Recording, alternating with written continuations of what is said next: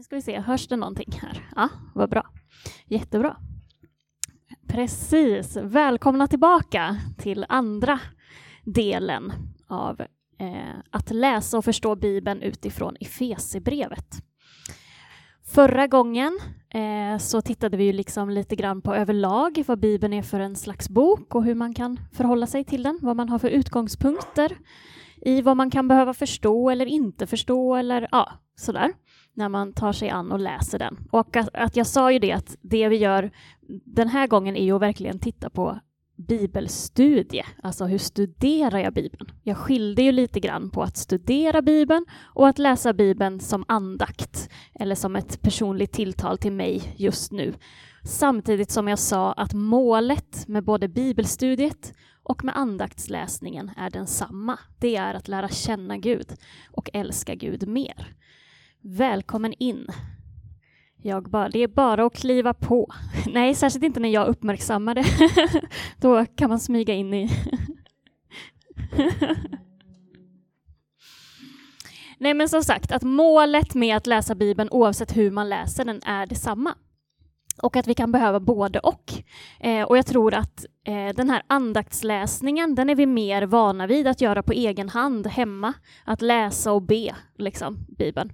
Eh, och sen har vi kanske lite olika personligheter om vi gillar det här med att studera också.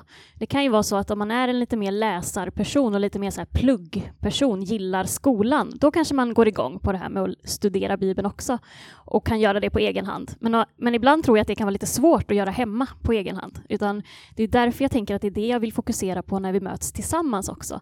Eh, att, eh, för att hjälpas åt med det. Att eh, ja, om det inte blir av hemma så blir det i alla fall av i kyrkan. Då studerar vi och liksom gräver ner oss lite grann, lite mer. Eh, så. Eh, ja, eh, så den här, och förra gången så tittade vi liksom lite grann på eh, ramarna för Efesierbrevet, vem som har skrivit det och i vilket, eh, vilket sammanhang och vi hittade en, vem det var som hade levererat brevet också. Så där. Vi letade liksom efter saker i texten om själva Efesierbrevet. Och nu ikväll så ska vi gå in i kapitlen, in i, in i texten. Eh, liksom. Eh, och då ska vi direkt börja med eh, att titta på det Bibelstudiets första steg sa jag ju var att observera, att lägga märke till. Eh, det gjorde vi förra gången och det kommer vi göra den här gången också. Bara att först läsa det. Ibland är vi snabba på att direkt komma till vad betyder det då? Eh, men vi ska försöka hålla kvar eh, eh i, börja verkligen i att observera, vad står det? Och sen kommer vi eh, komma in lite på, på liksom tolkning också, alltså vad betyder det? Det kommer vara lite både och.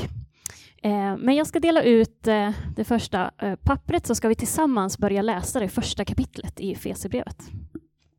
Precis, jag är ju så ordningsam så att vi ska skriva och hålla på. Men vi ska göra det här tillsammans nu.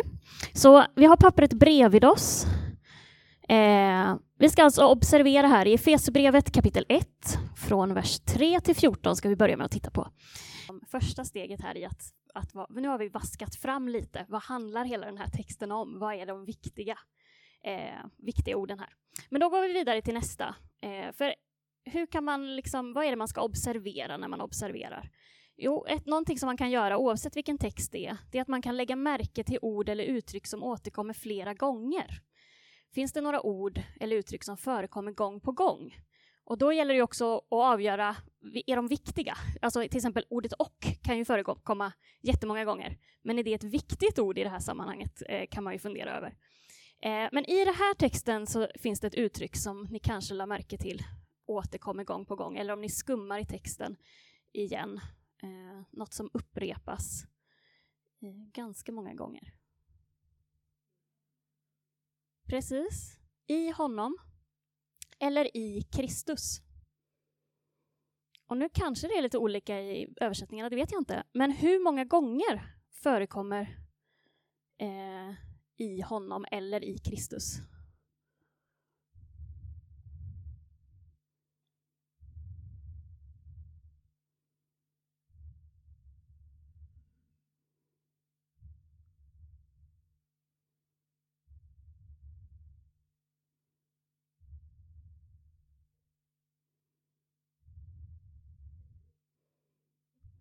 Vi har hittat tio, både i Kristus eller i honom. Ja. Någon hittar fem.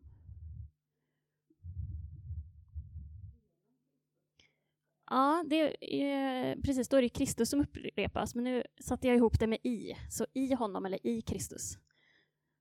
Tror jag ett. Ja, men någonstans runt tio. Det kan vara lite spännande att se, eller så får man läsa en gång till, var det verkligen så många? Men tio gånger tror jag det är. I Kristus eller i honom, för honom syftar ju på Kristus. Så i honom eller i Kristus. Det förekommer alltså tio gånger i 14 verser. Nej, det är ju mindre än 14. Det är ju 14 minus 3. Det är 11 verser. Eller 12. 12 verser, förlåt. Vers 3 till 14, det är 12 verser. I 12 verser förekommer alltså uttrycket i Kristus eh, många gånger. Så då kan man ju fundera på om man kan hitta något, alltså kan det ha någonting med vad, vad Paulus vill säga? När ett uttryck återkommer så mycket i en enda text, vad säger det om vad som är centralt i, i det här? Eh, ja, det är Kristus som är i centrum i den här texten. Gång på gång. Liksom, det är Kristus, vad han har gjort, vem han är, att vi är i honom. Och sen är det jättespännande då att tänka följdfrågan. Vad menar Paulus med i Kristus? Var, varför är, vad betyder det? Hur är man i Kristus? Och det är någonting vi tar med oss, för jag tänker att det kan vi komma tillbaka till i brevet. Men han inleder hela det här brevet med att betona Kristus och att vi är i honom. Och faktiskt är det så att det här är ett begrepp som inte bara förekommer i Efesierbrevet, utan i flera av Paulus brev. Och om man bara tar begreppet i Kristus och inte tar med i honom, då förekommer det begreppet 130 gånger i Paulus brev. Så det här är något som, som liksom Paulus kommer tillbaka till och tydligen har, alltså det är en tanke han verkligen har och vill föra fram, att vi är i Kristus. Eh, så vi ska komma tillbaka eh, till det. Eh, men nu tänkte jag vi bara skulle tänka lite, för eh, om första steget är observationen, så sa jag ju att andra ste steget, där kommer tolkningen, alltså att fundera på vad det betyder. Och där, där finns det också under sig, hur gör, jag en, hur gör jag en bra tolkning? Hur kommer jag fram till vad det betyder? Och jag kommer in, vi bara nuddar vid det här steget nu, eh, så jag kommer inte gå in på det nu. Men om det första steget det är att bara tänka själv. Vad betyder det här? Och så nu bara skicka ut den här frågan, vad, som ni funderar på själva. Vad tycks Paulus vilja säga med detta första längre stycke? Om du bara kollar på vad du har skrivit, hur många, alltså, vad, vad kan det vara han vill säga? Och, och där är man liksom, man får ta den första tanke man kommer på. Det behöver inte vara en djup tanke, det kan vara, ja, det är väl att vi ska vara i Kristus. Jag vet inte vad det betyder, men förstår ni vad jag menar? Men att man ställer frågan, ja, men vad kan han ha velat säga med detta? Varför, om ni tittar på det han har skrivit om oss. Och jag tänkte att vi skulle tänka själva lite, bara en liten stund. Eh, I det här steget tänker vi inte rätt eller fel, utan nästa steg i så fall blir att fundera, har jag, stämmer det jag, jag tänker? Men i det här steget är det bara, ah, spontant, vad tycker jag att det här, vad, vad kan han vilja säga? Vad kan det betyda?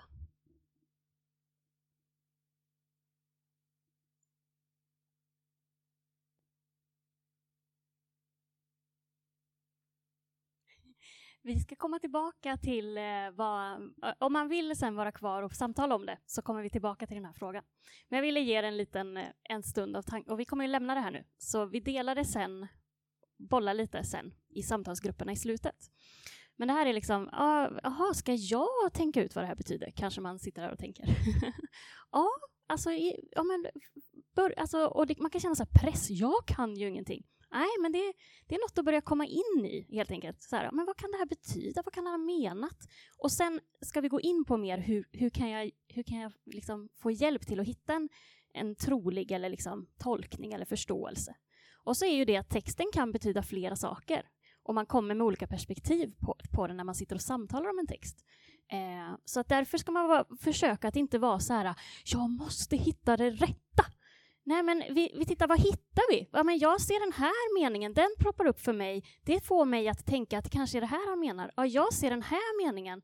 Det får mig att tänka att han kanske menar det här. Och så blir samtalen så. Och att det får vara ett fritt samtal.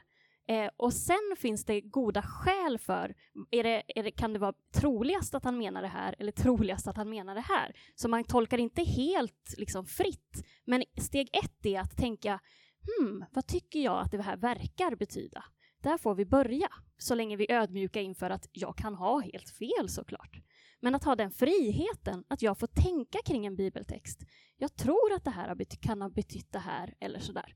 Eh, det är det jag gärna vill uppmuntra i det här, att, eh, att vi kan vara med och faktiskt, ja men vänta, jag kanske kan förstå det här, eller ha en del i förståelsen av en text. Och sen kan jag ta in vad andra och mer belästa eller liksom andra perspektiv och få, aha, det här såg inte jag, det här förstod inte jag. Liksom. Så så är det. Eh, men vi hoppar vidare eh, till nästa stycke i kapitel 1. Det är vers 15 till 19 Eh, i min bibel. Som ni vet så är ju rubrikerna i bibeln är ju tillagda, så att det är ju inte Paulus som har skrivit in de här rubrikerna eller kapitlen eller så, utan det gör ju eh, den som översätter. Men i min bibel så är det ett stycke, vers 15 till 19. Eh, så när vi observerar, då tittar vi också, vad är det för typ av text? Vad är det för, eh, för något här? Eh, och då undrar jag, det här lilla stycket, vers 15 till 19, vad är det för någonting? Eh, om ni bara läser de första verserna. Vad gör Paulus där i texten?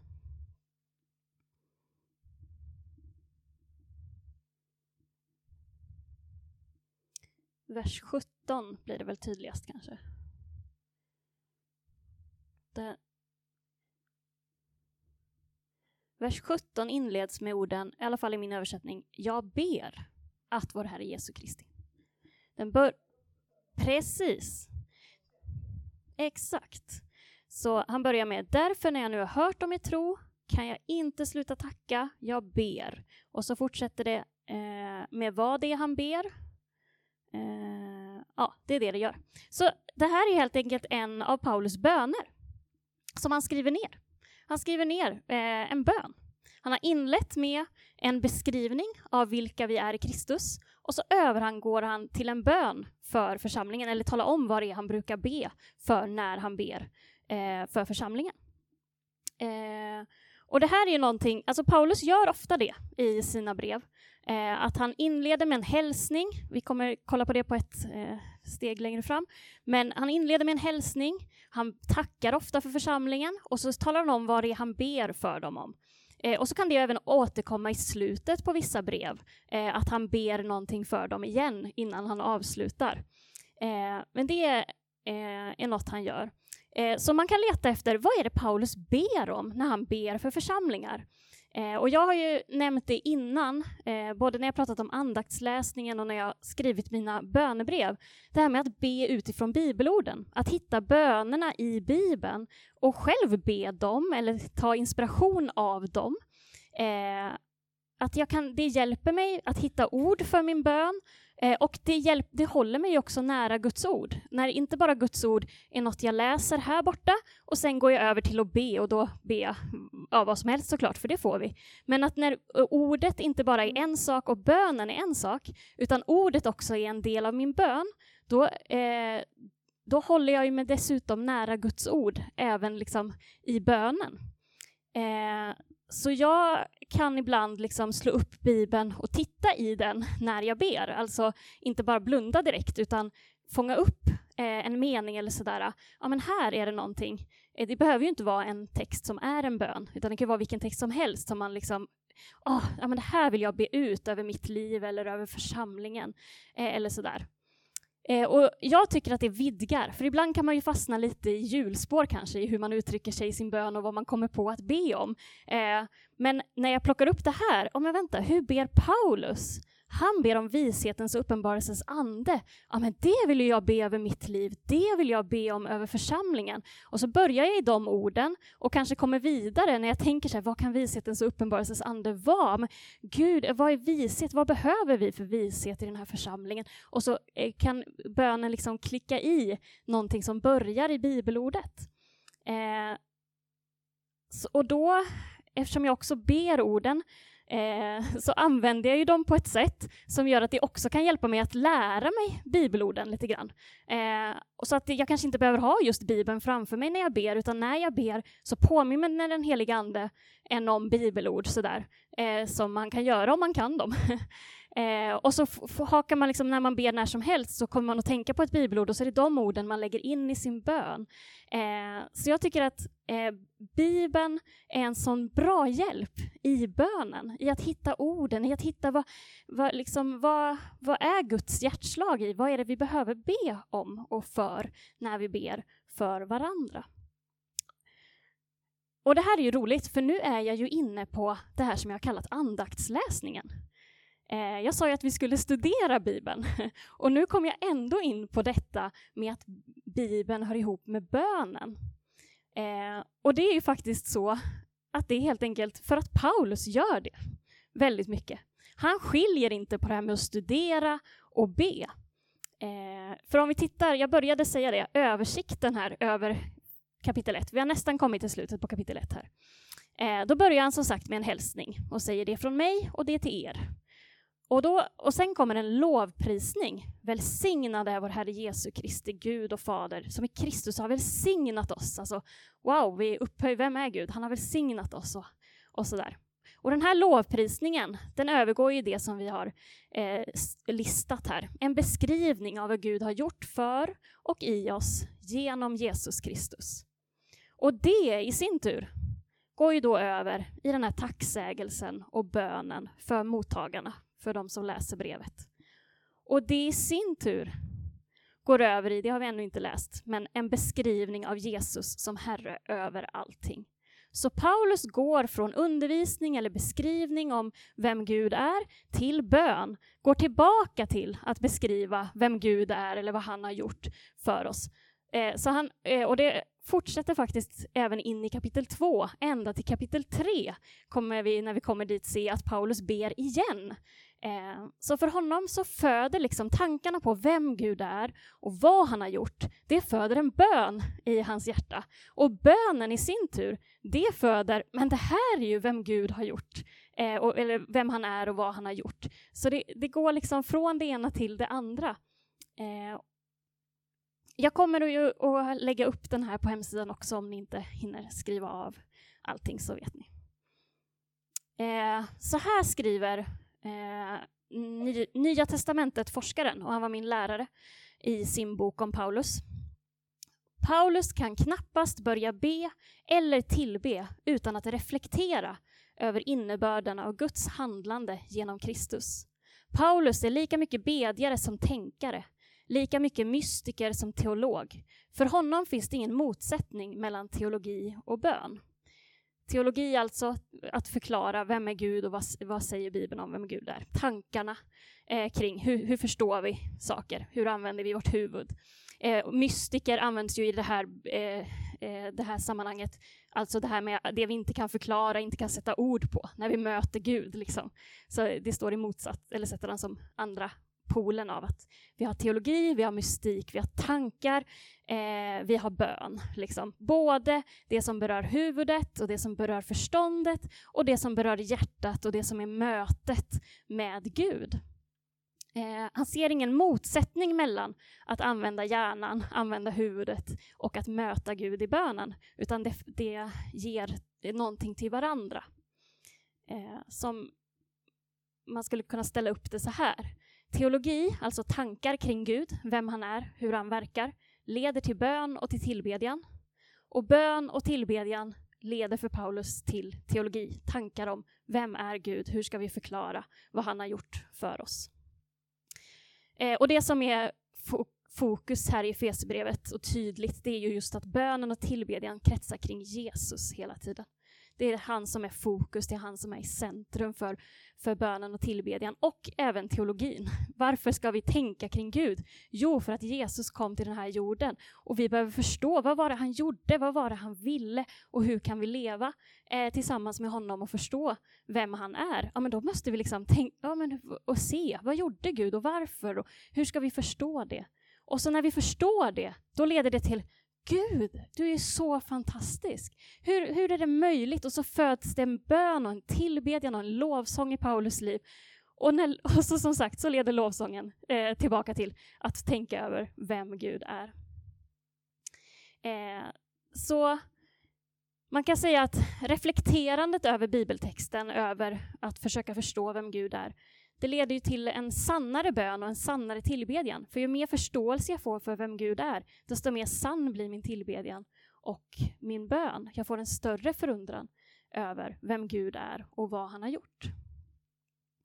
Så på så sätt flätar Paulus ihop både teologi och bön.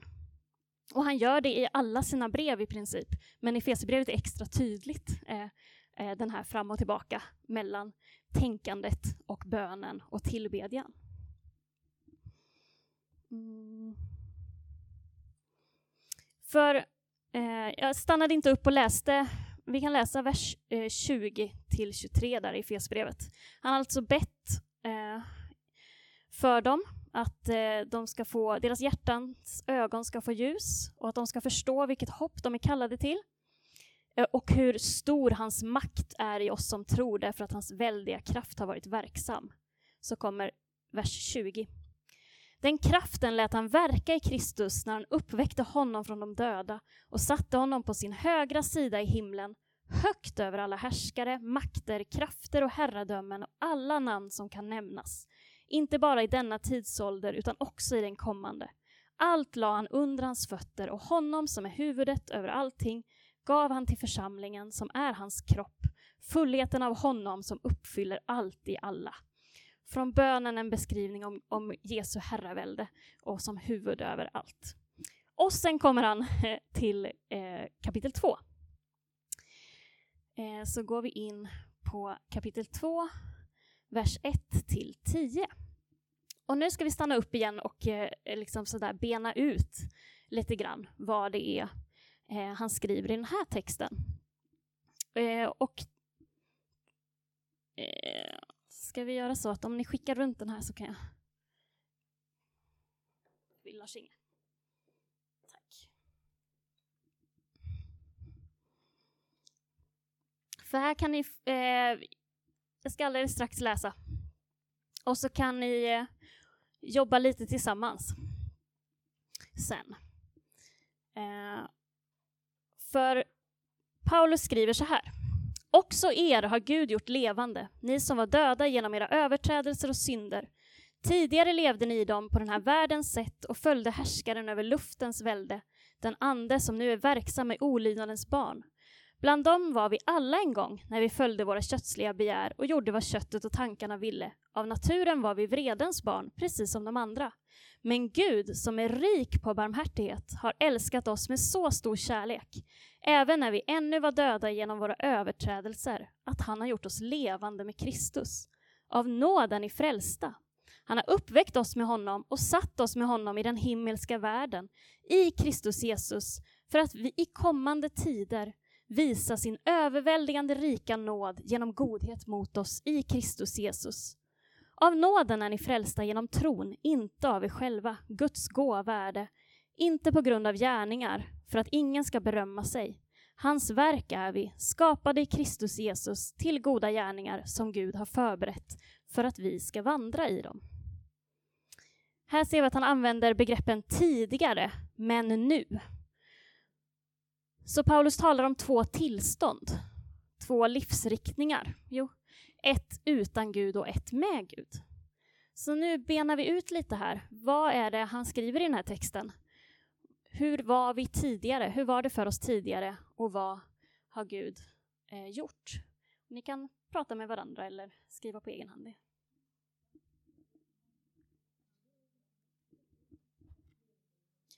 Ja, då har vi börjat att titta i alla fall, eh, om man inte har hunnit. Och jag vet, eh, det är helt okej, okay. man, måste inte sitta, alltså så här, man måste inte sitta och skriva ner eller så här, när jag säger det, utan Eh, och man, det passar inte alla att vara så här supernoggranna och sådär.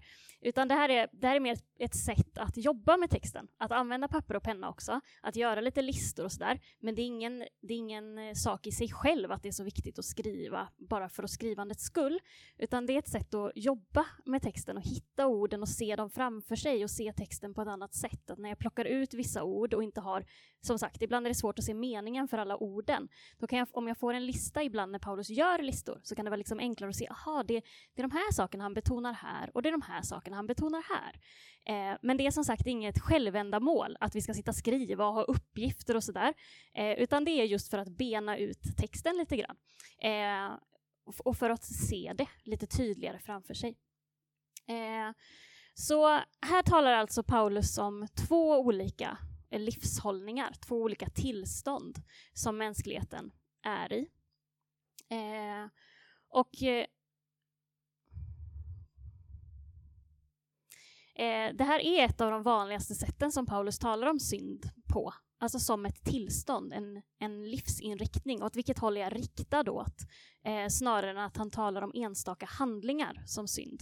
Utan det börjar med liksom, vart, åt vilket håll står vi vända? Är vi vända mot Gud eller är vi vända bort ifrån Gud? Eh, det är liksom, och själva synden är, den grundsynden är att vara vänd bort ifrån Gud, att inte leva i, i Kristus, i liksom det här tillståndet av att vara hos Gud.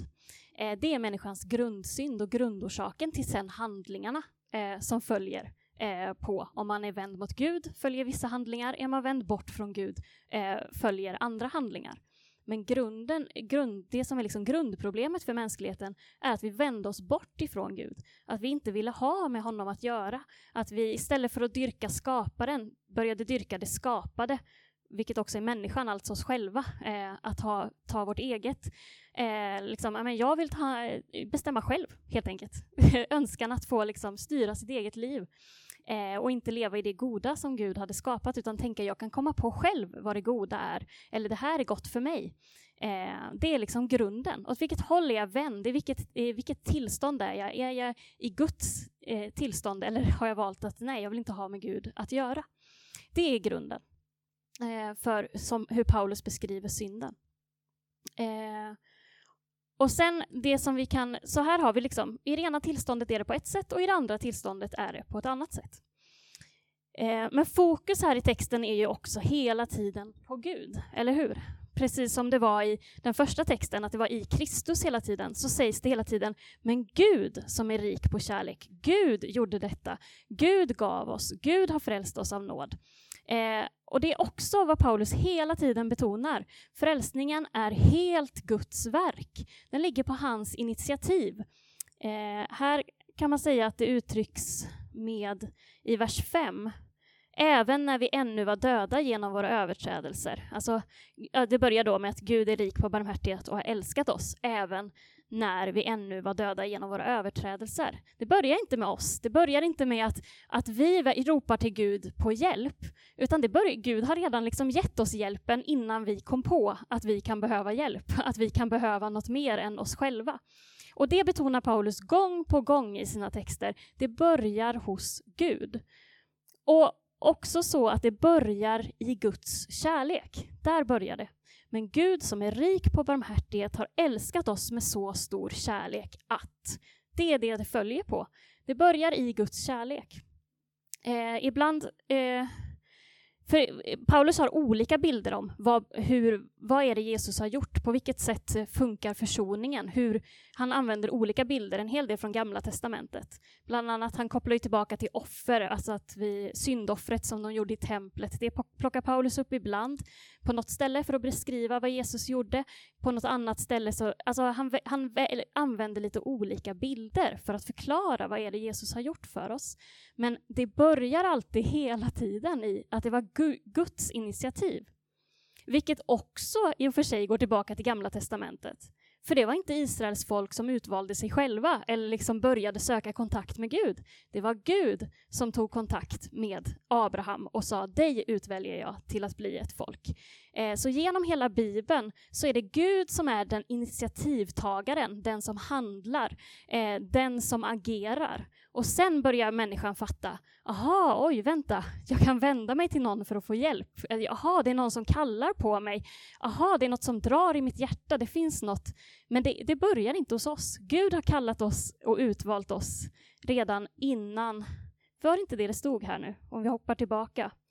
Precis, vers 4.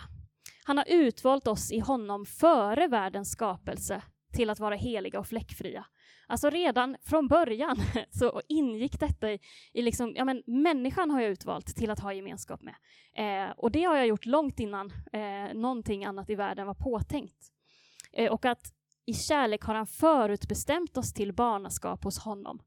Eh, det, finns, eh, det finns en plan, det finns en förutbestämdhet. Och här ska man eh, ändå betona att när han skriver om utvaldhet och förutbestämdhet då är det kopplat till Gamla testamentets eh, beskrivning av hur Gud utvalde och förutbestämde Israels folk. Det handlar inte om att exkludera vissa, alltså Gud har utvalt vissa och inte andra, utan det är bara betoningen på det är Gud som har utvalt. Det var Gud som började här, det var Gud som tog första steget. Han förutbestämde, han beslöt att kalla. Eh, liksom. Eh, så det handlar inte här om att han har utvalt vissa och inte andra, Eh, utan poängen med att använda ordet utvald är att det ligger på Guds initiativ. Det var Gud som började det. Det var inte vi som valde Gud, det var han som valde, valde oss. Eh, och även i det här stycket 2, kapitel 2, vers 1-10, så hittade vi ju det här begreppet i Kristus. I Kristus Jesus stod det tre gånger eh, här. Eh, så vi kommer lite tillbaka till, eh, till det igen här nu. Alltså i Kristus, något av det är ju att det handlar om en, en ny identitet. Nu är jag inte bara i mig själv, bara jag, utan jag kliver in och tar på mig Kristus identitet. Jag, eh, eh, att vi är någonting, inte bara i oss själva, utan det vi är, är vi i Kristus. Och genom att förstå vilka de är i Kristus kan församlingen bli vad de är. Det är det som är, eh, redan Gud förutbestämde oss till att vara heliga, eh, förlåtna, det som ni har listat där eh, på första övningen. Allt det, liksom, det är vi. Men vi, behöver vara, vi är det i Kristus. Så den här identiteten eh, finns där och jag behöver kliva in. Jag tar på mig Kristi identitet. Eh, det här gäller mig. Det som gäller Kristus gäller också mig, gäller också oss som församling. Det är den nya identiteten det som är sant om Kristus, det är också sant om oss som är i honom. Eh, och det är också kopplat till frälsningen hos Paulus. Eh, att själva frälsningen, det är att få en ny identitet. Att kliva in i Kristus. Eh, att vara eh, det som han har kallat oss att vara. Eh, inte bara det i oss själva, och liksom, utan det som Gud har kallat oss att vara. Eh, det Eh, kan vi kliva in i, i, genom Kristus, genom det han har gjort för, för oss i Kristus och i, i Kristus. Eh, så här eh, i inledningen av Efesierbrevet har, har Paulus lagt grunden för vilka vi är och vem Gud är. Och så har han kopplat ihop det, eller vem Jesus är. Så har han kopplat ihop det. Det Jesus är, det är också ni. Eh, och han har gått ifrån att liksom eh, tala om vem Jesus är, vilka vi är, till att eh, uttrycka en bön för att vi ska bli de vi är, till att gå tillbaka till att tala om att vem, vilken kraft som verkar i oss genom Kristus och sen eh, tala om för oss hur, hur gick det till? Det här var det som var förut, men nu är ni det här. Tidigare var ni döda genom era överträdelser. Nu har Gud gjort er levande. Det, här, det där är det som var. Det här är det som är. Här har Paulus lagt en stabil grund till församlingen. Det här är det som är sanningen om er eh, och om vilka eh, ni är. Och nu tänkte jag att de om ni som vill eh, ska få några samtalsfrågor eh, och prata lite med varandra om det eh, mer än vad ni har gjort innan, om det vi har eh, skrivit och eh, talat om. Eh, och det här gäller ju alltid när vi pratar med varandra. Man får prata på prov, man får tänka högt och man får ändra sig. Vi behöver ha den friheten. Bara för att jag säger en sak så kan jag direkt efter komma på, nej förresten, så där menade jag ju inte. Eller lite senare. Den friheten behöver vi ha när vi talar. Man behöver inte ha tänkt ut allt smart innan man säger. Och att man genom det helt enkelt lyssnar välvilligt på varandra. Jag tror att du har något, något bra att säga och om inte jag förstår det, då frågar jag vänligt, inte anklagande, nej, där har du fel. Eh, och att vi låter alla som vill prata, men att man också får sitta med i gruppen utan att säga någonting. Eh, man får sitta med och lyssna. Man får säga nej, pass, jag vill inte eh, svara på det här. Jag vill lyssna på er.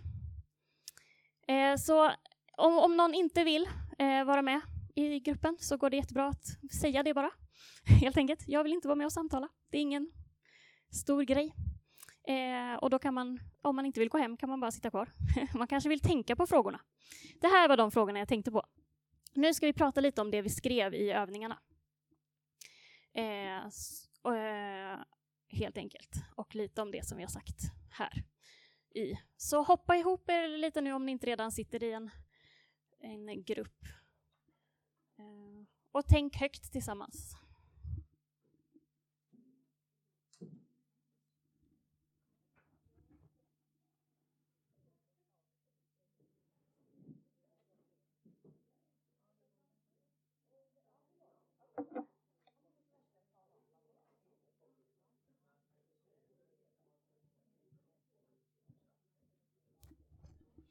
Vi, kn vi knyter ihop det lite här på slutet, eh, också här innan vi... Eh, samtalen har ju eh, kretsat kring frågorna och kring annat, eh, och det är helt okej. Okay. Utan det, är, så, det är bara roligt att höra att eh, man ändå tänker någonting och kommer in på någonting som har med någonting att göra. Förhoppningsvis Jesus. Nej, men liksom sådana saker. Eh, jag skulle bara vilja, eh, om några vill säga något om frågan Eh, fråga B. Skulle det göra någon skillnad för hur vi ser på och beter oss mot oss själva och mot varandra om vi verkligen förstod och levde i dessa löften och sanningar? Vad, får jag, är det okej okay att höra något från några av er?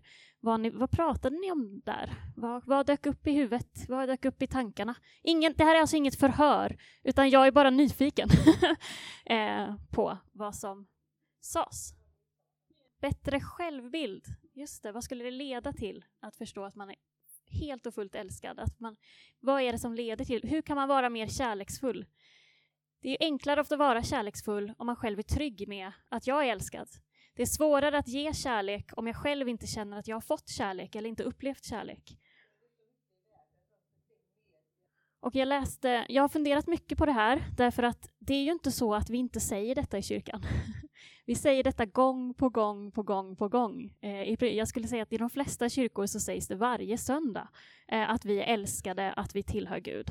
Så jag lever väldigt mycket med det här, men vad, vad är det liksom, eh, varför lever vi då inte i det? Eh, och det, det kan ju finnas olika, eller jag har inte kommit fram till något så direkt, men jag läste en bok. Han talade om erfarenheten, inte bara orden. Eh, alltså att vi också behöver göra erfarenheter av den här kärleken från Gud. Eh, att det inte bara blir i mitt huvud och blir ord, för att orden går bara in och ut. Eh, Eh, och nu hade inte han ett recept på hur den erfarenheten ser ut, men det fick mig att komma ihåg, just det, det handlar ju om alltså, att ha fått med sig ett möte, liksom en, att man har gjort, alltså en erfarenhet sitter inte bara i huvudet, en erfarenhet sitter i kroppen, i känslan eh, och sådär. Eh, så det fick i alla fall mig att få upp ögonen för detta, att ja, det spelar ingen roll hur många bra ord jag säger alltid, utan det handlar också om att jag har gjort eh, det, i, i, en erfarenhet i mitt eget liv av att det här är sant. Och sen kan det vara olika också med var vi kommer ifrån, vad vi har med oss av mänskliga relationer. Att ha, kommer jag från en väldigt tryggt sammanhang där jag vet att jag är älskad av mina föräldrar eller av mina släktingar, vänner, då kan det vara enklare att också förstå Guds kärlek, för jag har en erfarenhet av mänsklig kärlek eh, som stämmer liksom med hur Guds kärlek funkar också. Kommer jag från ett sammanhang som ger mig en erfarenhet av att jag inte är älskad av olika anledningar, kanske om jag inte presterar bra, att jag må, eller att jag bara, ingen bara inte bryr sig, då är det klart att det, då har jag den erfarenheten av vad kärlek är och vad föräldraskap är till exempel. Och att få ihop, då stämmer inte det med hurdan Guds kärlek är. Eh, och då spelar det kanske, då är det svårare med det här med orden. Att, för min erfarenhet sitter också i kroppen på ett annat sätt eh, och i liksom hela min varelse. Eh, och det är ju också någonting eh, som vi behöver komma ihåg och ha med oss. Att bara för att eh, jag hör att Gud älskar mig betyder inte att jag fattar det och särskilt inte om jag har oförlåtelse i mitt liv till mina egna föräldrar eller till något sammanhang av att ha blivit mobbad i skolan eller liksom sådär. Jag kanske har tryckt hemma men har varit otrygg bland kompisar. Eh, att de här mänskliga relationerna också påverkar eh, min relation tillsammans med Gud. Och att det är något jag kan behöva eh, liksom göra upp med också. Dels se, så här var det i mitt liv, det här är den erfarenheten jag har. Det här har orsakat mig smärta eller sorg.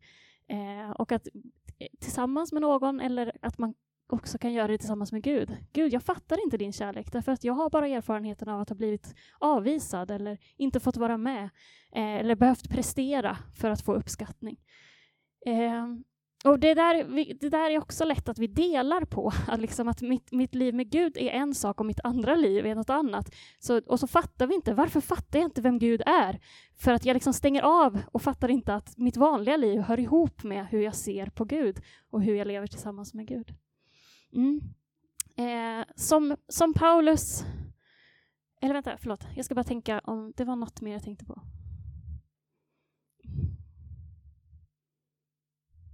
Okej, okay, jag kommer inte ihåg det. Vi får se om jag kommer ihåg det efteråt. Men som Paulus gör, så går från teologi och samtal och tankar in i bönen, så vill jag att vi går in i bönen tillsammans och avslutar med det också. Tackar dig Jesus för att vi fått samlas den här kvällen runt dig, runt ditt ord, Herre. Att vi har fått läsa sanningarna om vilka vi är i dig. Löftena som du har, Herre, som inte beror på oss, utan som beror på dig. Din godhet, din oerhörda kärlek, din överväldigande rika nåd. Herre, de tankarna är för stora för oss. Vi förstår inte, fattar inte och greppar inte. Herre, lär oss att bara lita på det, Herre. När vi inte fattar din kärlek, lär oss att lita på den, att vila i den. Även när inte huvudet är med och vi inte kan förklara det eller skriva listor på det. Herre, låt oss få erfara din kärlek i våra liv. Och jag ber för oss var och en, du som känner våra liv från början, innan vi föddes, eh, och genom hela våra liv, Herre, du ser vilka människor vi har mött genom åren, hur vi har vuxit upp, hur vi har blivit behandlade. Gud, jag ber heligande att du varsamt visar om det finns något i våra liv som vi kan behöva lyfta fram till dig. En smärta eller en sorg som vi inte vill bry oss om för att den är för jobbig, som vi har lagt undan, men som vi kanske behöver titta på för att också komma fram till dig och nå den här närheten och kärleken och kunna göra den här erfarenheten av vem du är. Herre, hjälp oss att våga titta på det. Och tack för din oerhörda omsorg om oss och vår församling. Att vi helt vilar i din hand, att du omger oss på alla sidor. Tack, tack Gud, för den du är och det du gör. I Jesu namn. Amen.